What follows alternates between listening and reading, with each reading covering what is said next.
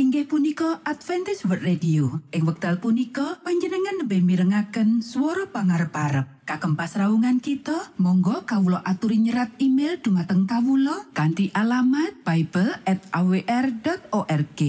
utawi panjenengan uki saged layanan kalian Kawulo lumantar WhatsApp kanti nomor plus setunggal saged layanan kalian Kawulo kalh kalh sekawan kalh kalh kalh inggih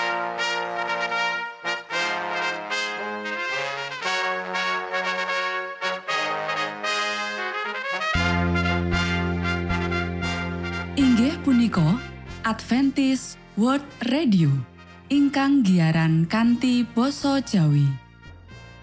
Tentrem Rahayu kula aturaken kagem para mitra kinasih ing pundi papan lan panggonan. Sugeng pepanggian malih kalian Adventist World Radio.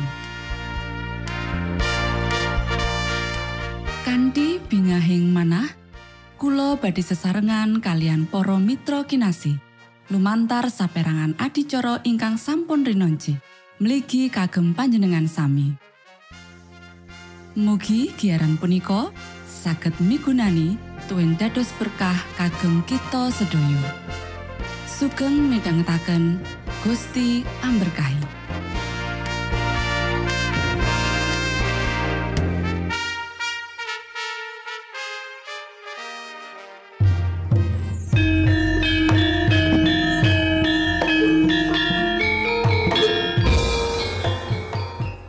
Para pamirsa kinasih ing Gusti Yesus Kristus. Ing wekdal punika, kita badhe sesarengan ing adicara ruang kesehatan. Ingkang saestu migunani kagem panjenengan saha kita sami. Tips utawi pitedah ingkang dipun aturaken ing program punika tetales dawuhipun Gusti ingkang dipunnyatakaken ing kitab suci. Semanten ugi sakehing seratan ingkang dipun wangsitaken dening Gusti Allah. Nanging saderengipun, monggo kita sami midhangetaken kidung pujian.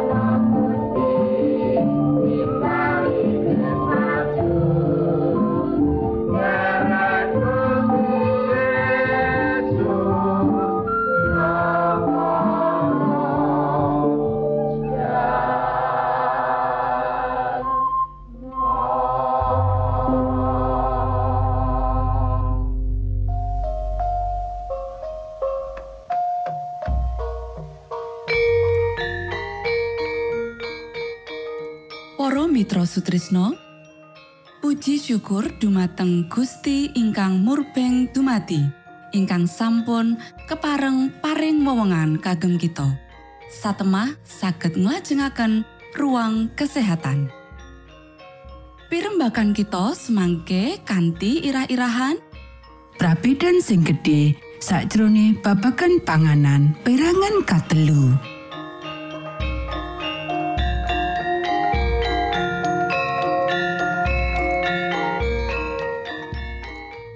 Dumateng para pamiarsa ingkang dahat kinurmatan sugeng pepanggian malih kalian kula Isti Kurnaidi ing adicara ruang kesehatan ing dinten punika kanthi irah-irahan prabedan sing gedhe sakjrone babagan panganan perangan katelu Para sedherek ingkang kinasih ing episode kang kapungkur kita wis nyinau babagan prabedan sing gedhe sakjroning bab panganan. Saiki kita bakal nerusake nyinau babakan prapitan sing gedhe sakjroning panganan iki sabanjure. Para sederek kabeh kudu sinau apa sing bakal dipangan lan kepiye carane nglatekake. Kaum pria kaya uga kaum wanita perlu mangerteni carane nglatekake panganan sing prasaja nanging nyihatake. Amarga urusan bisnis, dheweke asring ana ing panggonan ing ngendi dheweke ora bisa entuk panganan sehat. Mula, menawa dheweke duweni pangerten masak-masakan, dheweke bisa migunakake. Para sederek pertimbangno kanthi teliti menu pangananmu. Sinaunen faktor sebab lan akibate. Tuwohno pengendalian diri. Jaganen supaya selera tetap ono sangisore pengendalian akal sehat. Ojo nganti nyalahgunakake weteng kanthi mangan kakean nanging ojo uga ngrampok awake dhewe kanggo panganan nyehatake lan lesat sing dituntut dening kesehatan. Pemikiran-pemikiran sing cekak saka sebagian uwong sing pengin tadi pembaharu kesehatan wis banget ngerusak marang usaha kesehatan. Para penganut kesehatan kutu kelingan menawa reformasi panganan bakal dipiji kanthi cara ombo kanthi suguhan sing disiapake ing meja nedha. Lan ganti nggunakake pola sing bakal ngregeti, dheweke kudu meni conto pelaksanaane prinsip-prinsip supaya nganjurake marang wong-wong sing pandangane tulus. Ono sekolongan gede sing bakal nentang sawijining gerakan pembaharuan. Kaya ngopo wae iku mlebu akal. Menawa bab iku mbatesi selera. Para sederek, Wong-wong ndewakake selera kantine penalaran utawa aturan-aturan kesehatan. Dening kelompok iki, kabeh sing ninggalake dalan pakulinan lawas lan belo reformasi bakal dianggap radikal. Kaya ngopo wae konsistene usahane iku. Supaya wong-wong iki ora duweni alasan kanggo ngritik, para penganut kesehatan ora oleh nyoba nonton kaya apa bedani dheweke saka wong liya. Nanging sak bisa-bisane kudu nyeraki dheweke tanpa ngorbanake prinsip. Para sederek, saben-saben wong sing melu njupuk bagian sakjroning pertandingan nguasani dirine sakjroning kabeh bab. Dheweke nindakake mangkono kanggo mulai sawijining makutha sing fana. Nanging kita kanggo ngentuki sawijining makutha sing langgeng. Menawa wong-wong sing belani reformasi kesehatan kebangetan, Ojo gumun menawa akeh wong sing nganggep dheweke iki dadi para penganjur prinsip kesehatan nolak reformasi iku babar pisan. Sikap kebangetan kaya iki asring nekakake luwih akeh bebaya sakjroning wektu sing celak dibandingake sing bisa ditandani dening panguripan sing konsisten sak suwene urip. Para sederek, reformasi kesehatan didasarake marang prinsip-prinsip sing ombo lan jangkauane atoh. lan kita ora entuk ngremehake kanthi pandangan-pandangan lan tindakan-tindakan sing cekak. Nanging ora wong siji entuk ngidinake perlawanan utawa cemoohan utawa uga kepingin kanggo nyenengake utawa mengaruhi wong liya supaya ngalihake dheweke saka prinsip-prinsip sing bener utawa gawe dheweke ngremehake prinsip-prinsip iku. Wong-wong sing dikuasani dening prinsip bakal teguh lan mantep belo sing bener. Nanging sakjroning kabeh sesrawungane, dheweke bakal nuduhake roh Sang Kristus sing pemurah lan kaprasajan sing sejati. Matur nuwun, Gusti amberkahi.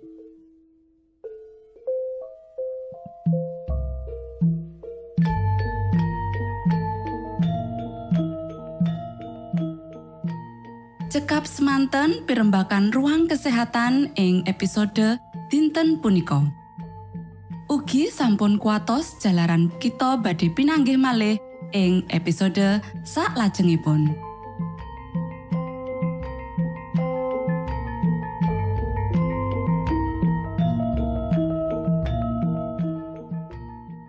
inggih punika adicara ruang kesehatan.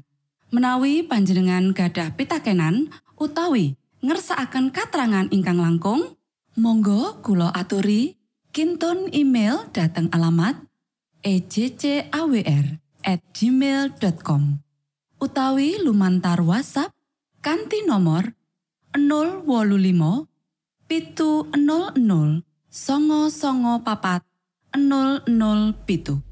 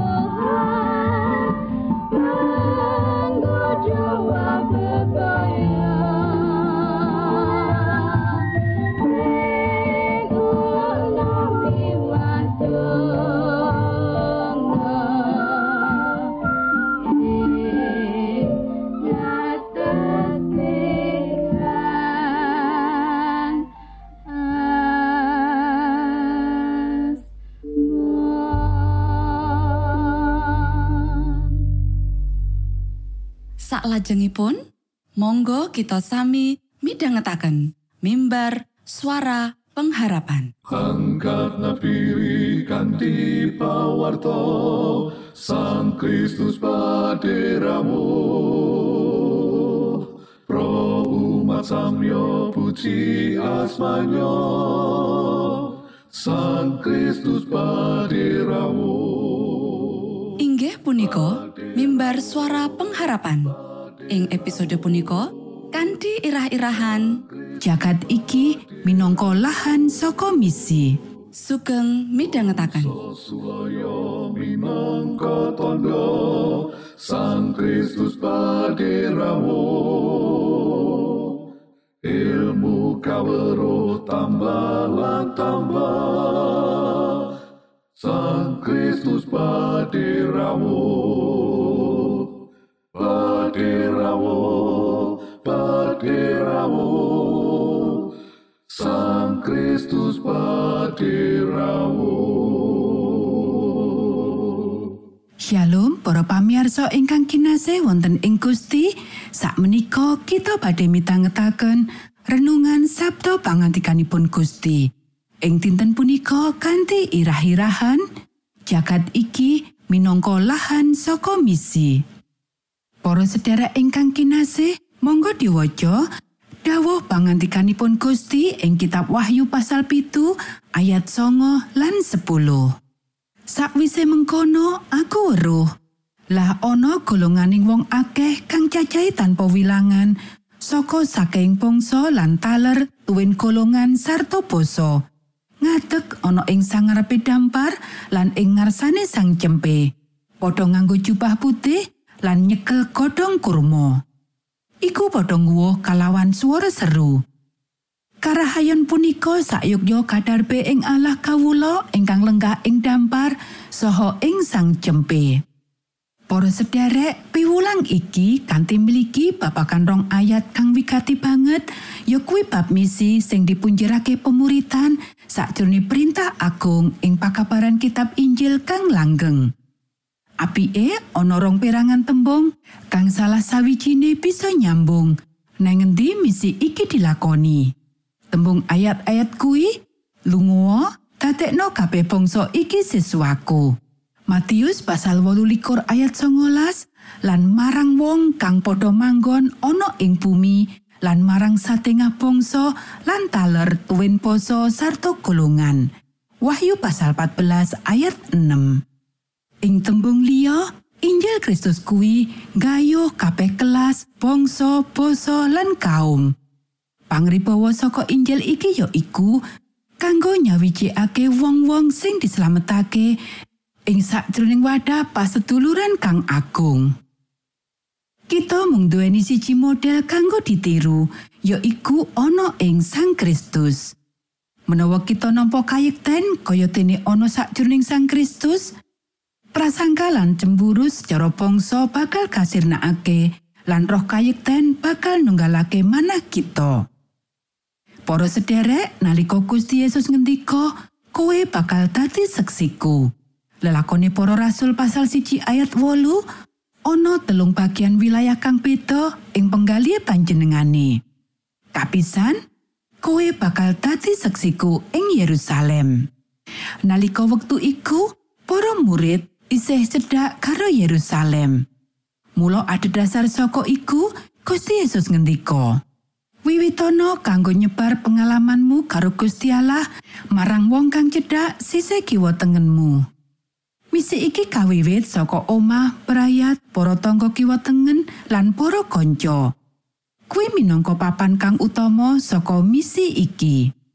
Kang kapindo panjenengane banjur nerusake ing sadengah Yudea lan Samaria.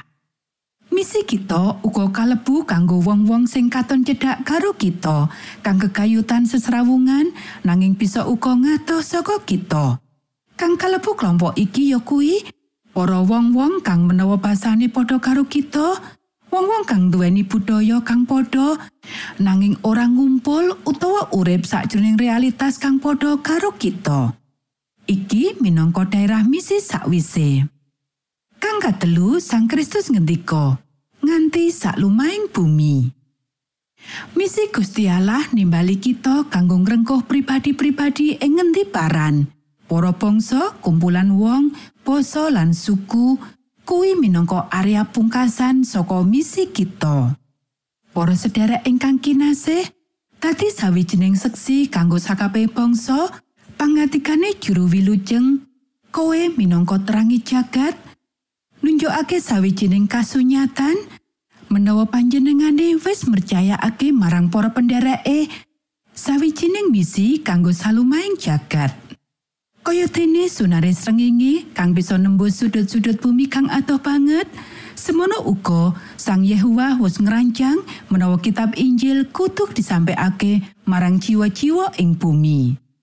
Menawa Gereja Kristus wis ngayahi maksud saka Gusti Allah kita, banjur pepadang bakal sumunar marang sakabeh wong kang urip ing pepeteng lan ing ayang-ayangi wong mati.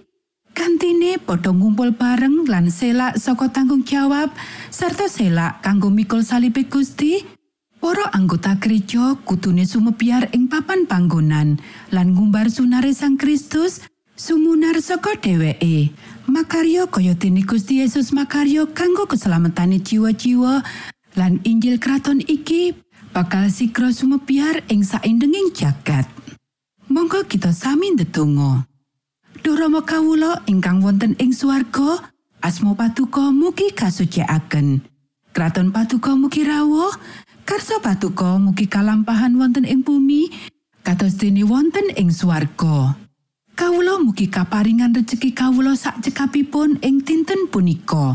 Saha patuko mugi ngapunten kalepatan kawula, kados dene kawula inggih ngapunteni tetiang ingkang kalepatan dhateng kawula.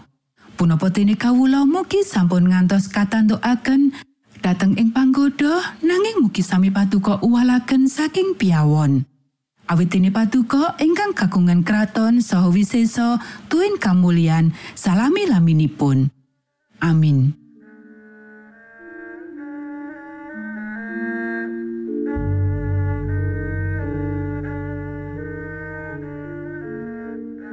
Para Mitra Sutrisno pamiarsa kinasih ing Gusti Yesus Kristus sampun paripurno pasamuan kita ing dinten punika. Menawi panjenengan gadah pitakenan utawi ngersakaken seri pelajaran Alkitab suara nubuatan Monggo Kulo aturi kinton email dateng alamat ejcawr gmail.com utawi lumantar WhatsApp kanti nomor 025 pitu 00 songo songo papat 00 pitu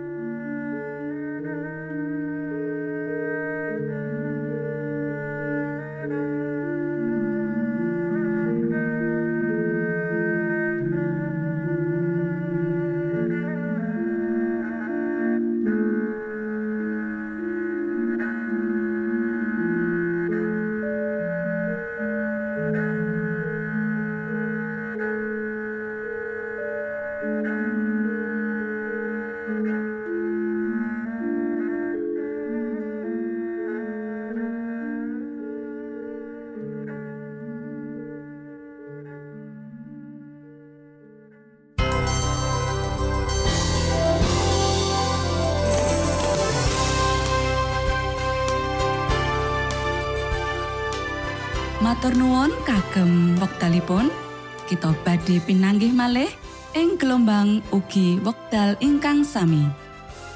Saking studio kula ngaturaken tentrem rahayu. Gusti amberkahi kita sedaya. Maranata.